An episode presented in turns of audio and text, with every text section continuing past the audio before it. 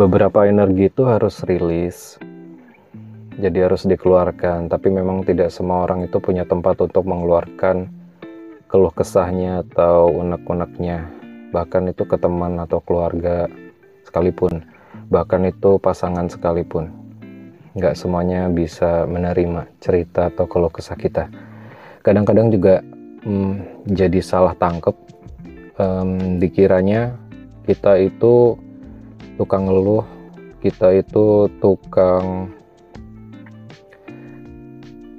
tukang apa ya? Tukang tukang nggak bersyukur. Kita itu lemah. Apalagi kalau kita yang laki-laki ada rasa ketakutan gitu. Ya apalagi ada yang ada yang namanya itu apa? Toxic masculinity tapi di satu sisi sih sebenarnya toxic masculinity itu penting-penting aja sih buat nge-push orang atau nge-push laki-laki itu biar lebih biar lebih bertenaga untuk menjalani hari-hari. Tapi kadang-kadang juga kadang-kadang juga kadang-kadang juga kadang-kadang juga bikin orang sebel gitu ya. Ah kenapa sih kamu ngeluh mulu kenapa kayak gini? Kenapa kayak gitu ya tapi nggak apa-apa sih asalkan kita udah paham sih sama siapa kita mau cerita sama siapa kita mau uh, berkeluh kesah itu nggak ada masalah oke okay. jadi memang hmm, hal yang saya kangenin dari rekaman-rekaman di mobil adalah merilis energi-energi waktu saya merasa sepi, merasa kesepian. Jadi waktu merasa sepi, ngomong kayak gini, gelap-gelapan. Kalau ini kan tag video ya. Waktu itu cuma audio aja, pakai handphone juga ini juga handphone sih hmm, ada rasa plong ada rasa tenang gitu terlepas ada yang denger atau enggak tapi ternyata ada ada yang curhat juga lama juga nggak bikin sesi curhat bacain curhat-curhatnya kamu dan kayaknya itu adalah konten yang sudah sudah banyak dilakoni orang lain karena saya juga niru. Tapi nggak masalah karena fokusnya ke diri saya sendiri sih. Apa yang saya pikir butuh untuk dilakukan saya lakukan. Eh, akhir-akhir uh, ini karena mungkin masih dalam proses proses apa ya? Proses berjuang kali ya santai. Mungkin masih karena masih dalam proses berjuang jadi kadang tuh naik turun. Moodnya itu naik turun. Eh bukan mood apa ya? Semangat daya juangnya kadang itu naik turun. Apalagi uh, ketika kita ini ketika saya lagi semangat semangatnya bisa tuh diforsir terus dikebut terus. Tapi saat lagi ngedrop ada sesuatu gitu mungkin bisa bisa jadi dari eksternal atau dari da, dari dalam diri saya sendiri itu lagi ngedrop bisa pengen hiatus rasanya pengen berhenti. Dan kalau saya kalau berhenti itu lumayan lama. Jadi terus-terusan mikir bagaimana caranya biar kalau misalnya capek ada rasa capek terus pengen berhenti itu berhentinya nggak lama. Jadinya mulai mencoba untuk bermain pola pikir bermain mindset. Dan itu udah saya coba dikit-dikit sih. Walaupun mungkin nggak signifikan berhasil gitu. Kadang-kadang gagal tapi ada kalanya itu berhasil. Kayak misalnya gini di saat saya ngedown mentalnya lagi drop karena mungkin ada rasa kecewa ada rasa amarah atau gangguan sendiri gangguan entah itu dari luar atau dari dalam. Itu saya mencoba memainkan pikiran. Pertama sih harus ada ininya sih suplemennya. Ada yang ngebus yaitu kayak semacam uh, speaker speak apa sih? Uh, ini konten lah ya. Konten yang saya bisa temukan di podcast yang formatnya podcast atau video YouTube atau kenapa jadi merhatiin rambut? Atau orang lain yang saya anggap itu kompeten untuk memberikan saya masukan lewat kata-kata yang membakar gitu.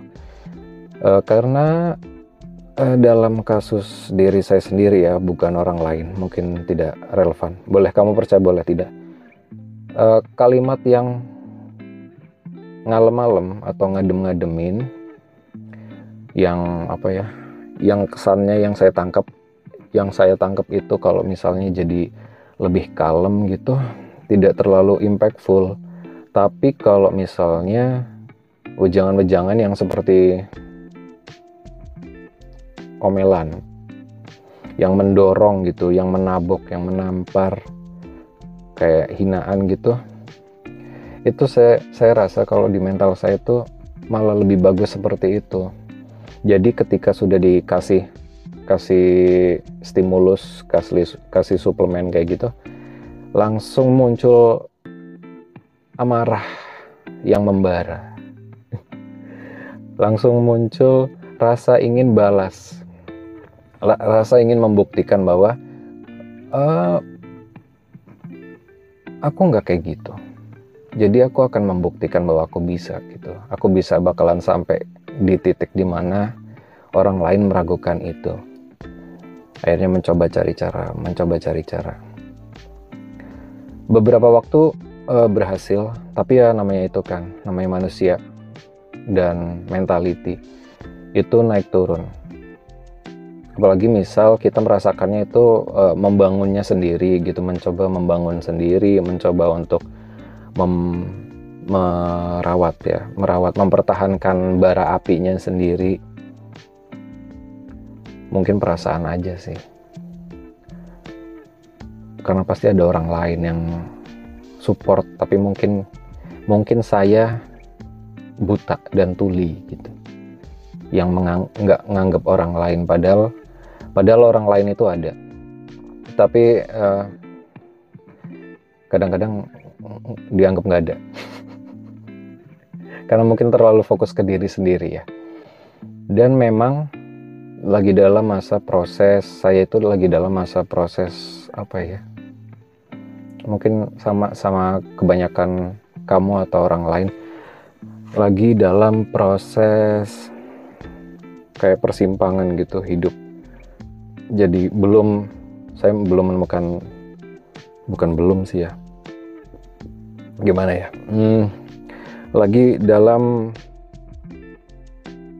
dalam misi untuk menyelesaikan satu misi. Satu satu misi dulu deh gitu. Satu misi dulu untuk saya selesaikan yang udah saya niatkan apakah berhasil atau tidak gitu. Satu tujuan hidup bukan tujuan hidup ya. Uh, salah satu goal tujuan juga. Salah satu ya itulah tujuan hidup lah ya anggap aja. Itu untuk dicapai. Apalagi switch uh, setelah resign kerja ngajar.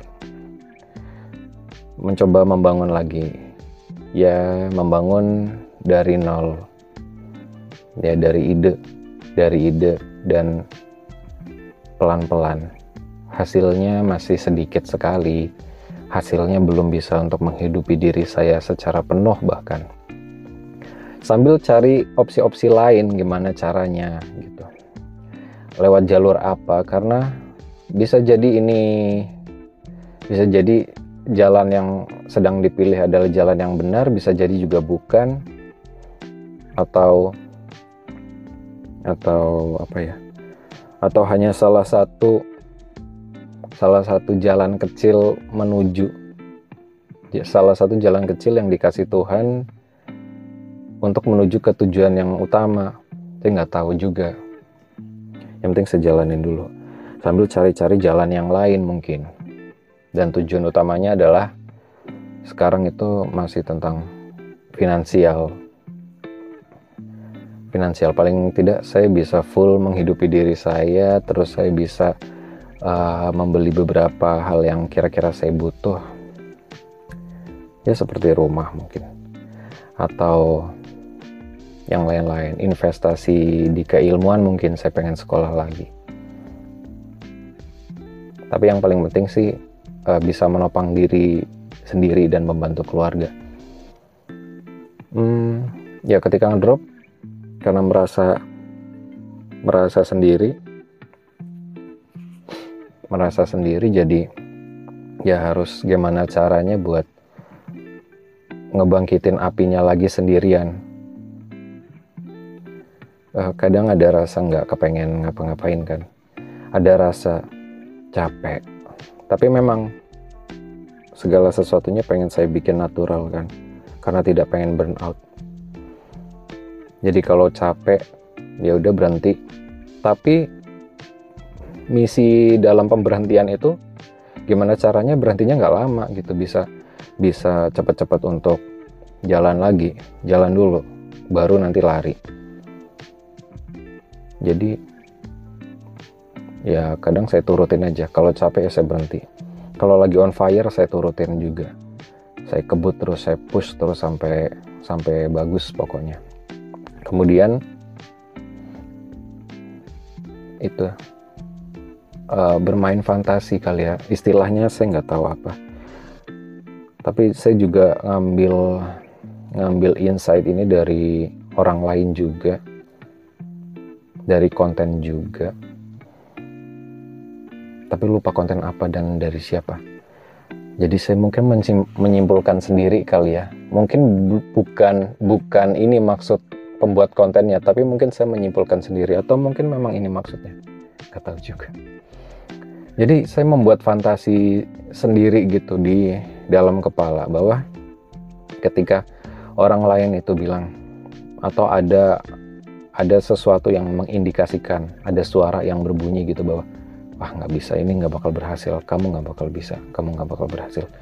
Saya jadi mendesain sebuah hayalan mungkin ya di dalam kepala bahwa nggak kok kamu bisa? Gitu kamu bisa Yuk kita cari caranya. Yuk kita bangun jalan ke sana gimana. Kita kita ini, kita desain jalannya. Kita proyeksi jalannya gimana dan apa-apa aja yang bakal kejadian. Kayak gitu kayak gitu. Jadi itu kekuatan kekuatan hayalan tapi kekuatan hayalan yang membangkitkan diri saya untuk bergerak. Jadi bukan sekadar hayalan yang bikin membayangkan enak-enaknya doang, bukan, tapi hayalan yang membuat saya mau buat berjalan lagi, mau buat ngepush lagi, atau bahkan lari sih. Jadi kayak gitu dan itu berhasil untuk untuk langkah singkat.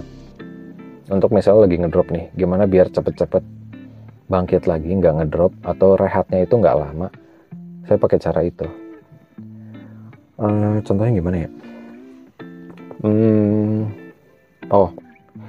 Sama mengkonsumsi itu suplemen suplemen konten atau speech speech dari ahli misalnya mau fokus soal kepribadian atau ke kewirausahaan, entrepreneur gitu. Saya mengkonsumsi speech-speech yang membangkitkan, saya rasa tuh membangkitkan amarah saya untuk berlari. Itu saya konsumsi itu selagi istirahat ya. Lalu omongan-omongan dari beberapa tokoh yang menampar. Akhirnya jadi, wah nggak bisa nih, saya nggak boleh dikatain kayak gini. Apalagi ada ini, apa saya juga konsumsi konten-konten yang soal lelaki gitu, masculinity. Kadang-kadang ada ada yang wah apaan sih? Gitu. Toxic mas, toxic masculinity. Tapi beberapa beberapa pandangannya beberapa halnya itu cukup bagus. Karena uh, setiap orang pasti punya cobaannya masing-masing. Setiap orang setiap manusia terlepas dari gendernya perempuan atau laki-laki itu punya pressure dan peran dan tanggung jawab dan mungkin karakteristik masing-masing. Walaupun tidak baku ya kalau perempuan kayak gini laki-laki kayak gini. Karena semakin bias kan sekarang tapi itu apa? Konten-kontennya kalau bisa. Kalau saya itu saya kurasi dulu. Paling nggak saya cari tahu siapa ini pembicaranya siapa yang ngasih speechnya siapa. Atau kalau ada konten yang mengkurasi-kurasi kayak gitu hmm, kira-kira ada nggak ya uh, sumber lain yang mirip sama apa yang dia bilang? Atau dia mencantumkan ininya nggak? Dia ngambil dari sumber mana meyakinkan atau cuma cuma cuma karangan aja gitu. Dan lagi-lagi memang harus dikurasi sih konten itu. Karena makin ngeri aja makin ngeri aja. Karena sesampahan-sesampahan itu lebih bernilai dan lebih banyak yang lihat ya daripada yang uh, keilmuan-keilmuan gitu. Karena mungkin tidak menghibur yang keilmuan, orang-orangnya tidak tidak lucu, tidak kocak, tidak seksi, tidak tidak kontroversi mungkin. Jadi kurang dilirik. Sedangkan orang-orang yang cuma bukan cuma sih, ya berani buat bilang gini, bilang gitu, bertingkah ini, bertingkah itu lebih mempunyai impact tanpa mereka sadar di pola pikir pola pikir orang. Uh, misal, misal ya zodiak kan abu-abu menurut saya. Maksudnya ya bisa dipercaya bisa enggak. Kadang kadang-kadang juga ada bias juga. Kadang-kadang kadang-kadang ada bias karena uh, saya nggak percaya tapi kok kalau kamu bilang karakteristik ini bintang ini tuh zodiak ini kayak gini gini gini kok saya relate ya gitu kok saya relate ya itu ada teorinya kalau nggak salah bias-bias gitu dan itu kadang-kadang dipercaya sama orang dan itu cukup menyebalkan kenapa harus percaya yang seperti itu apalagi sampai uh, menjadikan itu adalah dasar hidup dasar dasar seseorang untuk menentukan melakukan sesuatu, memilih sesuatu A atau tidak gitu misalnya. Oh, uh, misal saya kan Pisces. Pisces itu orangnya romantis. Gitu. Ketika ada seseorang yang bilang Pisces kan romantis. Dan bertemu dengan saya dan ternyata saya tidak romantis, terus dia menyalahkan saya. Misalnya, kok kamu nggak romantis? Kamu kan Pisces. Lah memang setiap orang harus seperti itu. Setiap orang setiap Pisces itu harus romantis. Emang ada dari siapa pengklasifikasian manusia berdasarkan bintang itu sangat mudah ya berarti tugas dari malaikat pencatat amal dan dosa jadi udah kelihatan tuh orang lahir di tanggal berapa tahun berapa itu udah kelihatan karakteristiknya. Tapi saya pikir nggak kayak gitu. Setiap orang tuh punya kesempatan yang sama untuk melakukan hal yang bodoh, yang salah, untuk melakukan hal yang jahat dan yang baik.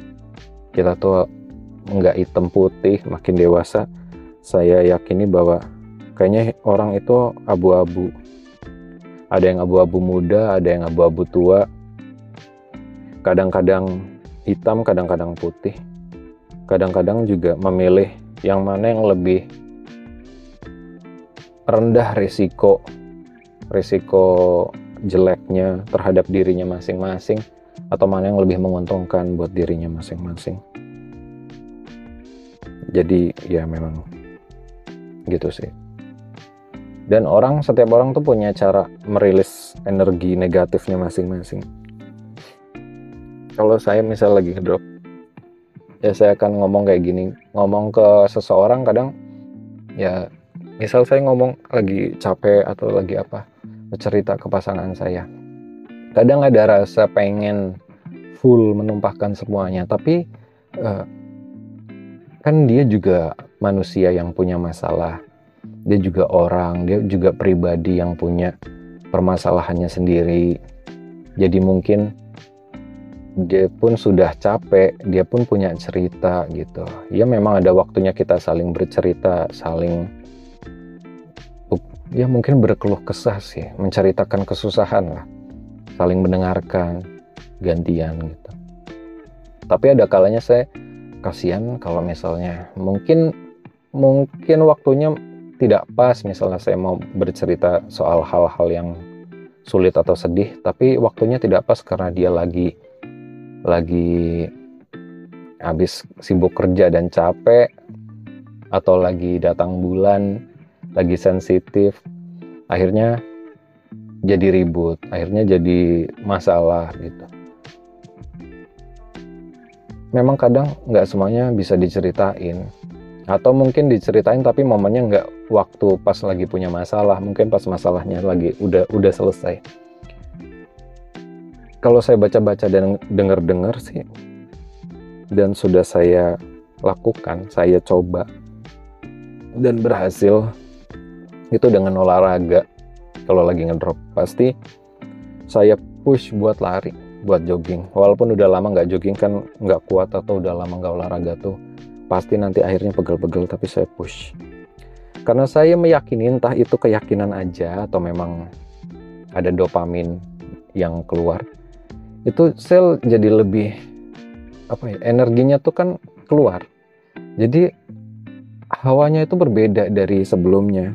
Dan itu jadi kayak ketergantungan. Kalau udah lama nggak olahraga pasti rasanya tuh udah nggak enak. Hawanya itu udah suntuk pengen mukul orang pengen makan orang tapi kalau udah dipaksa gitu nggak bisa. Pokoknya jam segini apa pun yang terjadi saya harus lari. Dan saya lari pasti mendingan. Ada rasa capek dari fisik yang mengakibatkan uh, rilis keringat-keringat beserta energi negatif kali ya. Tapi memang ngaruh sih lumayan. Dulu dulu uh, dulu ngobatinnya pakai ini kok ngobatin? Dulu juga sama nonton film tapi makin ke sini makin males ya. Nggak semua film ditonton. Makin capek nggak tahu kenapa. Nggak tahu dengerin lagu. Pun sekarang sudah lebih jarang daripada zaman dulu karena nggak tahu ya. Nggak tahu. Kayak lagu-lagu zaman sekarang tuh liriknya enggak gitu. Kadang-kadang lagu uh, harmoninya bagus nadanya bagus liriknya enggak banget. Karena saya juga meyakini bahwa ucapan yang diulang-ulang itu akan jadi doa sesuatu yang didengar-dengar akan mengendap gitu dan akan akan diyakini oleh diri kita oleh pikiran kita. Jadi kalau lagu yang didengar itu tentang patah hati aku tidak bisa hidup perselingkuhan, orang ketiga, orang keempat, uh, harta, benda di atas segalanya atau apa gitu. Itu saya takut malah akan dalam jangka panjangnya memberikan pressure lagi, mengendap jadi pola pikir yang tanpa sadar saya install ke dalam diri saya. Jadi kadang kalau saya nggak tahu liriknya, saya nggak mau cari tahu liriknya kalau misalnya bahasa Inggris kalau bahasa Indonesia ah nggak cukup ah. Jangan banyak-banyak nggak mau banyak-banyak mengkonsumsi lagu-lagu sedih misal. Lagu sedih tuh ya ya bukan melulu soal cinta mungkin soal ini soal Tuhan uh, soal perjuangan hidup soal orang tua kan masih banyak tema yang nggak harus cinta yang nggak bisa memiliki atau nggak bisa bersama. Uh, maksudnya ya termasuk itu sih. Ya mungkin memang berat tapi ya tidak sampai harus mati kadang. Nah itu. Jadi Oh ya. Uh, biar yang mendengar ini nggak melakukan kesalahan yang sama mungkin. Memang segala sesu sesuatunya, memang segala sesuatunya itu harus dipikirkan matang-matang difikirkan matang-matang sebelum mengambil keputusan, sebelum bertindak, berucap. Karena kalau salah akan sangat memalukan dan dampaknya langsung kerasa ke, ke diri kita masing-masing, ke diri kita sendiri dampaknya. Dan waktu kan nggak bisa ditambah dan dikurangi nggak bisa dimajuin nggak bisa dimundurin jadi kalau mau ambil sudut pandang misalnya saya habis melakukan kesalahan ambil sudut pandang untuk meratapi dan menyesali bisa-bisa aja. Atau yang kedua ambil sudut pandang ya sudah buat buat jadiin pelajaran dan jangan dilakuin lagi itu juga bisa aja. Dan opsi yang kedua itu yang bikin kayaknya masih ada kesempatan untuk hidup lebih panjang. Jadi ya meratapi bukan meratapi ya uh, bersedih sewajarnya. Walau kadang memang berat. Kadang mengucapkan seperti ini lebih mudah daripada praktek ya. Ya tapi kalau kita meyakini hal seperti itu statement tadi ngomong kayak gini lebih mudah daripada praktek. Bisa jadi akan mengendap mengendap kepercayaan di pikiran bahwa hal-hal yang kita ucapkan itu sulit direalisasikan. Makanya ya ini pasti bisa gitu loh. Ya walaupun sul, uh, sulit untuk direalisasikan, mudah untuk dikatakan, tapi bukan berarti nggak bisa. Dan bukan berarti harus susah untuk mencapainya. Itu fantasi yang tadi loh. Saya memilih untuk berfantasi seperti itu. Bahwa saya nggak membiarkan diri saya untuk jatuh terus-terusan dan berlama-lama. Terlepas itu benar atau enggak, terlepas itu buruk atau baik, tapi menurut saya hal itu yang terbaik buat diri saya sendiri, mungkin buat orang lain belum tentu. Oke, selamat menjalani hari, semoga tetap kuat diombang-ambingkan dunia yang fana. Bye.